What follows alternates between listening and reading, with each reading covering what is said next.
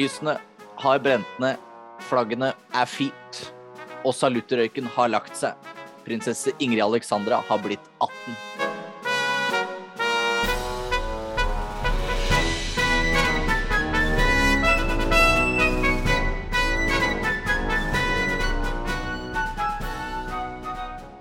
Å, hallo! For en anledning vi har fått servert Ole Jørgen til å lage en spesialepisode her i Undersåttene.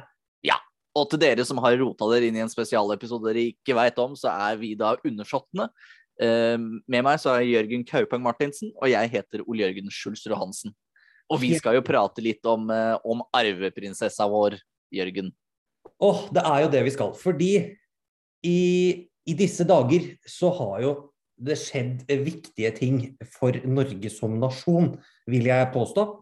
Eh, Ja, per vi dags har- dato så var det i går, eh, Ja, selve bursdagen, og hele den uka her har jo vært i prinsesse Ingrid Alexandras tegn. Ja, også en fest har det vært også. Dette her har vært en veldrevet kampanje fra kongehuset og slottets side. Altså dette her har fungert sånn akkurat som det skulle. Og det har vært akkurat passe mengde av hva man skal forvente av slottet når en arveprinsesse fyller 18. Fordi det er jo Det er ikke ofte dette skjer. Her har Slottet kasta ut agnet, og media har bitt på. Ja, og vi òg. Altså, vi, vi skal ikke legge oss i altså, Vi har bitt i så på at her vi har til og med vi lager spesialepisode fordi vi syns dette er hyggelig. Det er jo en anledning. Virkelig nasjonal begivenhet, Ole Jørgen. Vi må, men vi må starte et sted. Og hvorfor er dette så historisk? Nei, det, det veit jeg jo ikke, da. Nei. Altså, Jo, det- han her, her har vi dratt med oss en historiker, liksom. Så skal jeg prøve, og nå skal han få et par kort å spille på, så sier han takk for seg. Vet du meg hva? Hallo, jeg prøver igjen. Hvorfor er dette så historisk? For det første så er det jo femtegenerasjons femte generasjons eh, kongelig etter 1905, som i seg selv eh, er en stor greie. Ehm, og så er det jo da den, eh, den første kvinnen som er arveberettiget til den norske tronen i moderne tid. Ja, men hva, hva mener du med arveberettiget? Altså at hun er den første som er arveberettiget? Vi har vel hatt dronning før? Jo, men, men det som er at eh, hun var ikke født til å bli dronning av Norge. Det er det prinsesse Ingrid Alexandra er. Hun er født som førstemann i rekka etter sin far. Her er det ikke noe sånn at nei, det var 17 andre mannlige arvinger som gikk bort, så derfor så blei du dronning. Eller sånn som med dronning Elisabeth, der hvor det ikke var noen mannlige arvinger. Derfor fikk hun tronen. Her er det ikke noe, her er det ikke noe spørsmål engang. Hun ble født først. Prinsessen ble født først, som det heter på pent. Dermed så er det prinsessen som skal bli dronning. Ja, for vi, vi har jo hatt dronning i Norge før, men vi snakker likevel om at Ingrid Alexandra blir den første. Hva, hva er egentlig ståa på dronning Margrethe? Eh, Det de har eh, sagt i media, er at hun blir den første dronning i moderne tid. Og det stemmer jo, for moderne tid regnes for å være sånn 1700-1750. Eh, Og før det så er det tidlig moderne tid. Og, men Margrethe den første regjerte, det var under middelalderen. Nå skal jeg se, nå husker jeg ikke akkurat hvilke år det var, for her er jo, her strides de lærde, for å si det sånn, om når hun regjerte. For hun var jo da regjerende dronning av Norge, Sverige og Danmark. Eller ikke Sverige, der fikk hun ikke det, hun var bare sånn lovlydig husbond, eller hva pokkeren det var. Eh, og blir da ikke omtalt som dronning i, kall det de offisielle offisielle, hva er det du skal kalle det, kongerekkene. Hun er konge av Norge fra 1388 til 1412, som jeg har søkt opp her.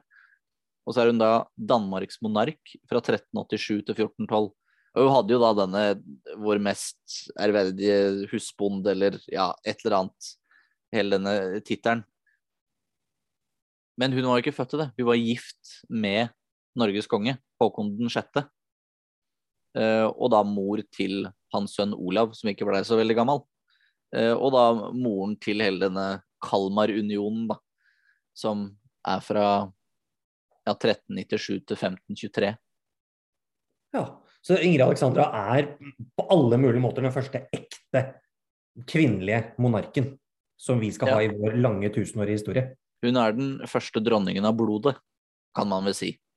Ja, dette her er jo dette er, Og dette er stort. Også. Jeg har kjøpt inn uh, nye tulipaner. Jeg har tent lys også. Jeg har til og med spraya meg i kjeften med sånn godspray for at dere lyttere skal få en best mulig opplevelse. Fordi dette her eh, syntes jo også når det offisielle Norge satte i gang sitt maskineri. Også, prinsessen var på et mini-statsbesøk for å si det pent. Hun har vært og besøkt litt ulike folk, Ole Jørgen. Hun var på statsmaktbesøk? Ja, ja, det er nesten, da. Ja, for hun var jo besøkt eh, Ja, det var eh, Høyesterett, og det var statsministeren, og det var Stortinget. Ja, og da har hun jo på en måte fått ja, godskrevet noen samfunnsfagtimer, da. Så absolutt. Uh, jeg tror nok ikke læreren hennes på skolen var så negativ til det. I hvert fall ikke i samfunnsfag. Men hun var dus med ja. statsministeren. Og stortingspresidenten. Men det skal sies da, at det var avklart på forhånd, eh, med stortingspresidenten i alle fall. Men jeg reagerte litt, jeg altså, når han i stortingssalen, det helligste rom i moderne demokrati-Norge, står og sier til prinsessen Du kjenner vel igjen utsikten herfra? Og jeg bare Øyenbryna mine flytta seg over pannebrasken, ikke sant. Hvem er det du prater til, sa du? Ja, hvem er det som er i det rommet? Det er deg og arveprinsessen. Hun heter De. Men det var visst avklart. Har hun heter ikke De engang. Det er prinsessen og Hennes kongelige høyhet. Ja, hun skal tiltales i tredjeperson. Det er såpass, ja. Ja. Det var gøy med statsministeren òg, som gikk ut etterpå og sa det. Ja, men arveprinsessen er jo kul. Du kan ikke si de til hun. ja, og det var veldig gøy, for det samme sa jo eh, Else Kåss var jo på livesendingen på NRK når de sendte intervjuet med Ingrid Alexandra med pluss, pluss, på en måte. Eh, og en av de avsluttende kommentarene til Else Kåss var jo at jeg vet ikke om jeg kan si det her på TV, men jeg syns Ingrid Alexandra er kul, jeg. Og det er litt gøy at vi på en måte har havna der at vi omtaler de unge kongelige som kule. Eh, samtidig så må vi jo ha en viss respekt for dem. Ja, du må gjerne være kul, men da er det prinsessen er kul, ikke du er kul. Ja, det er jeg enig i. Jeg er enig der. For det skal, det skal være en balansegang der. Apropos dette vi har prata om så mange ganger, om ikke viske ut hele det kongelige. Ja. Så skal man være litt obs, som det heter, så ikke hele monarkiet går ad undas. Men apropos dette med å viske ut, jeg, tra, jeg drar den litt videre til å skrive inn. Litt sånn en liten språklig finesse der. Fordi jeg må jo si at uh, regjeringens gave til prinsessen kanskje var en av de flotteste. Og hva var det, Jørgen? Altså, det var innbundet i lær. Det var viktig for uh, statsministeren å presisere, hørte jeg. Uh, lovendringen fra 1990, der hvor man setter at tronarvingen, uansett kjønn, blir tronarving. Da, at det blir kvinner også kan gå foran menn. Det syns jeg var en uh, personlig og historisk gave som virkelig traff. Det, det blir jo ikke mer passende enn det, da. Nei, Det vil jeg jo si. at det, der, Akkurat der har eh, regjeringsapparatet og statsmaktene faktisk tatt seg litt sammen og kommet opp på en altså, Ja, de skal lage fest for henne, det er gaven fra Norge. Det er ok. Men dette var et veldig flott supplement. En skal nemlig ikke kimse av den loven der, altså, for det er, det er mange monarkier som nesten har gått dukken pga. den regelen om at kvinner ikke skal arve tronen. Ja, det her også var jo interessant når vi på en måte uh, På disse livesendingene, eller NRK-sendingene med uh, ulike gjester, så var jo bl.a. vår gode venn Tor Boman Larsen var jo innom der og fortalte litt, eller snakket litt rundt dette her om at mange av de utfordringene monarkier tidligere har møtt på, kunne ha vært løst ved at man hadde hatt kvinnelig forrang at det ikke er sikkert at eh, land som Russland eller Tyskland hadde takka for seg hvis det ikke hadde vært Altså hvis kvinner hadde hatt lov da, til å ta over tronen. Og Russland er det klareste eksempelet på det. Her har du en tsar med fire døtre, Olga Maria, Tatjana og Anastasia. Og så må de ha en sønn, og den sønnen de får, blir bløder. Ja. Det er, liksom det, det er jo konstitusjonell og dynastisk krise. Eller da vi hadde om Luxembourg og Luxembourg og hva var eh, de to landene som var i unionen? holdt Nederland. jeg på å si? Ja, Nederland, Luxembourg og Nederland, hvor den da dronningen av Nederland ikke kunne, fordi at det var ikke noen kvinner som kunne sitte alene på tronen i Luxembourg. hvor den da fant han 17.-menningen. Ja. Altså, det er jo helt vilt, egentlig. Det, det, det, henger ikke på greip, men det er jo det er gøy for oss da når vi sitter her med våre retrospektive briller Ja, og kan se hvordan det har gått. ja det, og det har jo gått, og I Norge har det gått veldig bra. Vi har jo Ingrid Alexandra, en fantastisk eh, ung kvinne som gjennomførte sitt første TV-intervju eh, med brask og bram. Eh, jeg syns det gikk bra, jeg. Apropos det vi prata om, at prinsessa er eh, kul. Det var ikke kronprinsen da han hadde sitt første TV-intervju. Nei. For de, de kryssklippingene som var da jeg, jeg satt og så på det 18 år med Ingrid, som bare var et intervju med kronprinsparet, før jeg så intervjuet med prinsessen. Og det, det Ja. Det var, det var- ikke Det var en annen tid, det skal sies. Det var ganske gøy også at kronprinsen tar seg litt i det sjøl, og syns at dette var litt for stivt. Altså Han ler litt av hvordan han opptrådte, hvor alvorlig han var, og liksom hvor tyngende plikten på han var. da. Ja, hva er det han sier for noe? At, uh, at uh, ingenting kan, kan tynge meg slik som kronen gjør? Eller et Ja, eller annet sånn han- i den stortingsmiddagtalen. Jeg lurer på hvilke samtaler han har hatt med sin far på en måte rett før dette her. fordi det Eller der tror jeg det er bestefatteren som har tatt Ja, eh, det Det er var nok nok det. en kong Olav som bestemte hvordan den talen skulle lyde. Ja, og det er jo også det, Jeg syns det er herlig å se at Krompen skjønner sjøl at det her er jo ikke sånn det er. For det, Han har jo vokst inn i rollen, og han snakker jo litt om det at eh, de ønsker at Ingrid skal vokse inn i rollen, ha friheten til å finne seg selv i rollen. Og Ingrid Alexandra, prinsessen, eh, snakker også om det i intervjuet selv. At hun har jo en plan om at hun skal bli dronning, når hun blir konfrontert med at eh, har du tenkt noen andre tanker? Eh, men hun skal også finne seg selv på en måte, og sin retning, og har jo fått de beste tips fra familien er jo at, eh, ja, at du må forme det du skal gjøre, og du må finne en indre motivasjon til hvorfor vi skal ha et monarki i Norge. Og er, Jeg syns det er en spennende tanke. Og det er jo noe hun må tenke over. Og en, en ting som jeg syns var veldig fint, var det at kronprinsen hadde i sine tanker da han ble 18, vært ganske klar på det at kronprins Haakon og Håkon er to vidt forskjellige personer. Det er ganske tydelig at det ikke er eh, er retningslinjene lenger. Ja. At på en måte kronprins Haakon er Håkon, selvfølgelig. Han har jo en privat del òg som han må ta vare på, på en måte. Det handler jo om privatlivets fred og alt sånt. Men det samme gjelder jo prinsessen. Ingrid Alexandra, at her er det mye mer sånn naturlig alt det hun sier er og gjør. Det er ikke bare institusjonen som, som står bak. Nei, jeg er enig. Uh, og når du nevner Ingrid Alexandra, så er jo jeg litt spent på dette navnet. Har vi noen uh, Hvordan endte vi opp med Ingrid og Alexandra? Har du noen ståltips? Jeg har mine tanker, men jeg vil gjerne høre hva du har å si.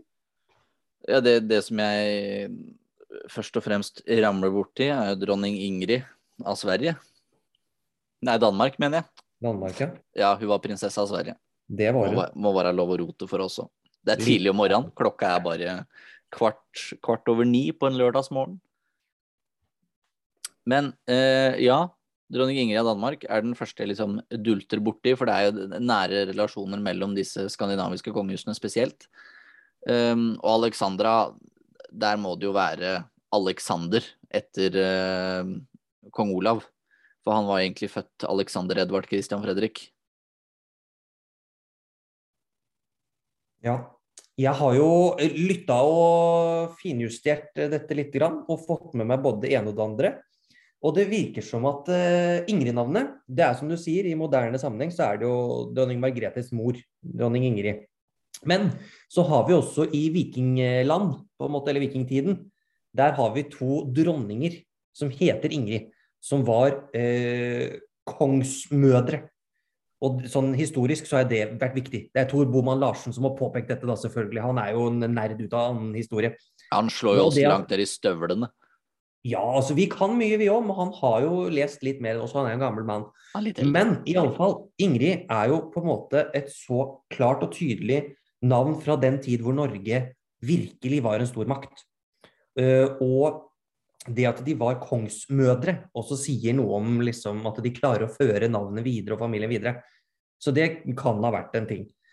Og Alexandra, det syns jeg var Det ble litt uh, langt og vulgært for meg, eller ikke vulgært, men litt sånn svulstig. Men der klarer han altså å knytte det navnet til den russiske tsarfamilie. Som jeg tenkte at dette må jo du synes er veldig interessant, for du er veldig glad i de russerne. Og det gjør han jo ved at han, som du sier, drar det gjennom kong Olav, som egentlig er født prins Alexander, og hans bestemor, eh, dronning Alexandra, som egentlig er en dansk prinsesse. Og i dette styret, som vi ikke kan gå inn på nå, så er det veldig mange eh, tremenninger og fettere og kusiner og inngifta svigerinner og sånt, som havner i Russland fra Danmark. Og disse heter Alexander, eller Alexandra. Og tsar Alexander den tredje, eh, stor, kraftig mann, ble jo kalt onkel Fatty i familien. Og han, ja, du, du, smiler og nikker, for dette bekrefter du, se, så jeg har fått med meg noe riktig her. Og denne tsar den tredje er jo ikke en god mann på en måte i Russland, men for familien i Europa er han jo bare en kjær og god onkel, eh, som mange tydeligvis liker. Og dermed så får flere av barna i familien navn etter han. Og det er også derfor vi har kong Olav, som da het Alexander. Du er visst påstanden, da, i disse navndiskusjonene. Så hvis eh, kronprinsparet virkelig har tenkt, da, så er vi jo helt tilbake dit. Men jeg tror det er som du sier, at vi, er, vi skal ikke lenger enn til dronning Ingrid i Danmark og kong Olav her. Kanskje dronning Alexandra. Den, den tanken til Boman Larsen er jo, er jo, morsom å tenke på, da. For, for det stemmer det at han autokraten Alexander 3., som stramma inn både de ene og de andre reglene og starta jødepogromer og alt i Russland, um, var jo bare en moromann på disse feriene på Fredensborg. Hvor han, hans mest kjente partytriks var å rette ut hestesko. Uh, han var jo en han, han, var en russisk bjørn, uh, som navnet passer til. Han var, var da 1,90 høy og en svær mann. Så det, det, var det han gjorde, da. Satt og retta ut hestesko på fest. Ja, hvorfor ikke? Men og fest, da, og Europa, også disse koblingene. Jeg syns det var veldig fint å høre fra prinsessen selv at hun har kontakt med de andre tronarvingene. Det syns jeg var gøy. Ja, det var veldig gøy.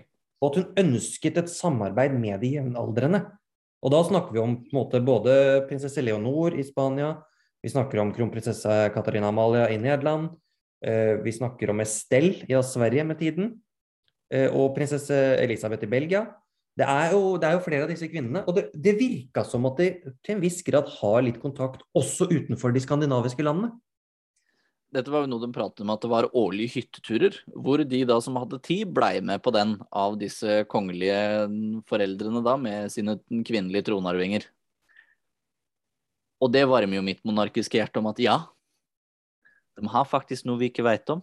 De driver ja. og driver er noen lobbyister på bakrommet, dem òg. Akkurat sånn det, som kongelige skal være, av gammel rang. det var litt gøy også når hun ble konfrontert, eller ikke konfrontert, men spurt om har dere kvinnelige, eller har dere tronarvingene en egen Snapchat-gruppe. Og så svarer prinsessen at nei, vi har det ikke nå, men kanskje det blir det. Og da blir jeg sånn, nei, det kommer jo ikke til å bli akkurat det. Men det sier jo kanskje noe om hvor tilgjengelige de egentlig er for hverandre som vi ikke klarer å få med oss, da. Men det virker jo som Altså, jeg blir helt rørt, jeg. jeg at, vi, at Europa fortsatt er knytta så godt sammen.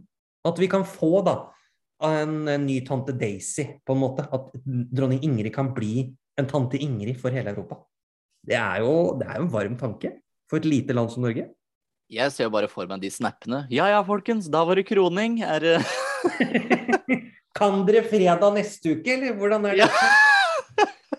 Eller hva er det tacofredag på Jeg legger, legger, ut en poll på Facebook, og så sjekker vi hvilken dato som passer for dere. Ja, Det hadde jo vært veldig gøy om det var liksom sånn fredagstaco på ja, Stockholm slott, liksom. Hvem kan? Nei, alle kan. Ja, flott. Da blir det hit.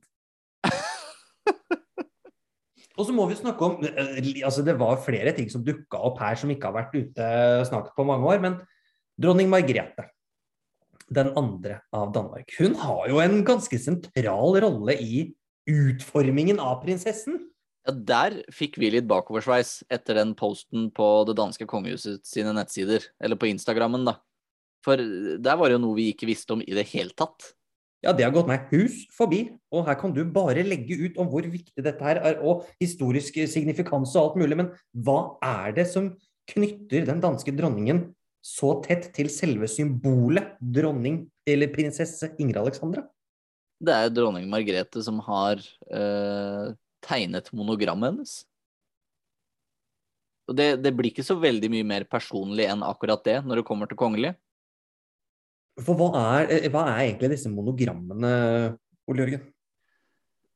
Det er jo gjerne det som brukes i offentlige sammenhenger, da, ved jubileer. Eh, sånn som Harald, kong Harald og dronning Sonja hadde jo et eget et da de fylte 80. De hadde et eget da de hadde regjert da og da. ikke sant? Det, monogrammet er så og så, og så legges det til ting ettersom hvilke jubileer og sånn som skjer. Og så er det jo på en måte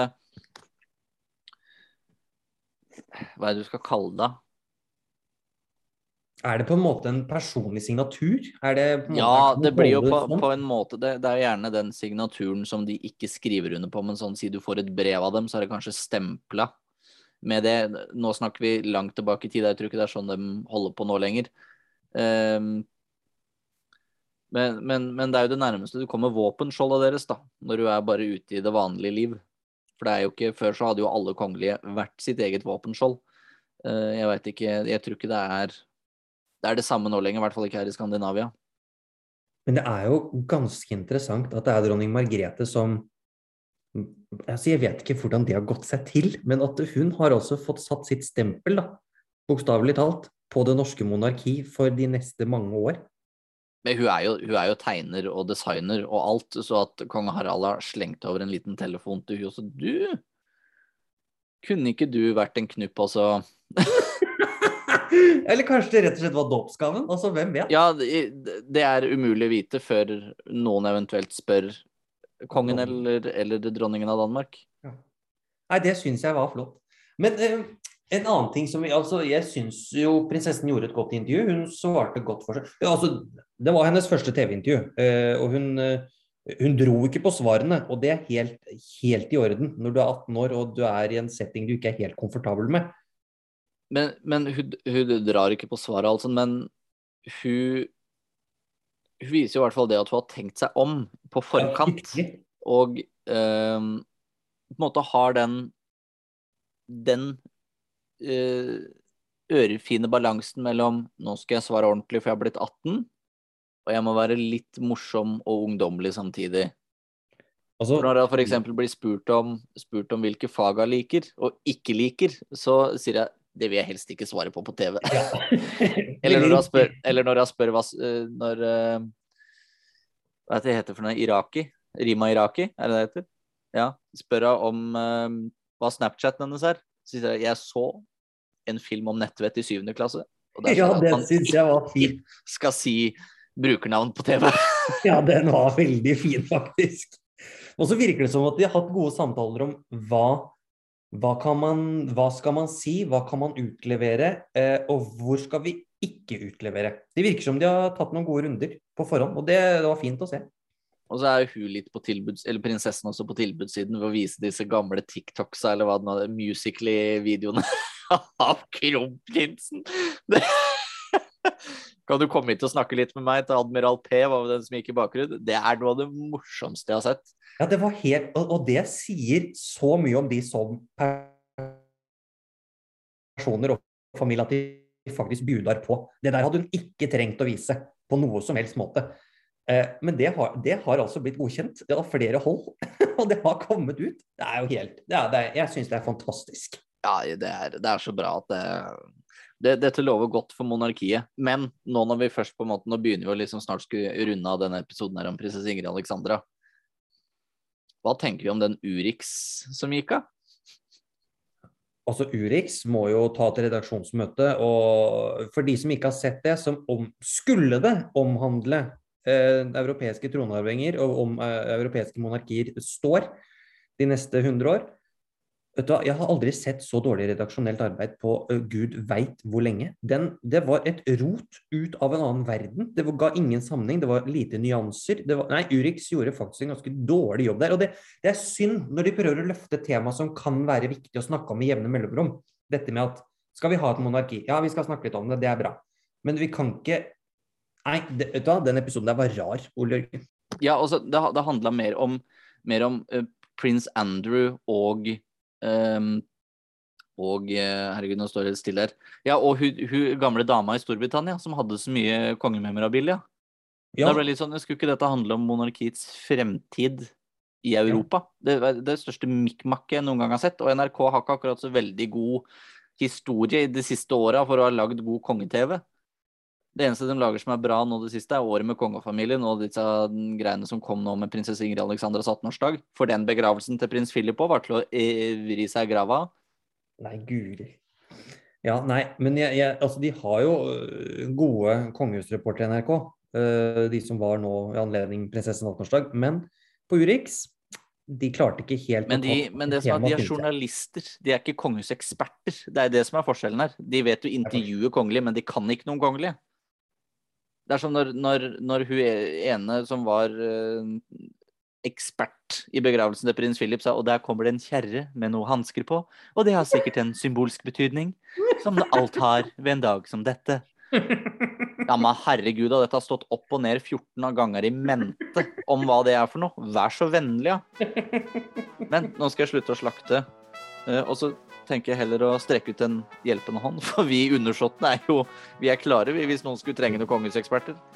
Og prins Philip er død, og prinsesse Ingrid Alexandra hun lever. Så lenge lever prinsessen, tenker jeg at vi avslutter med i dag. Det, det passer seg, det. Vi gjør det. Vi lyttes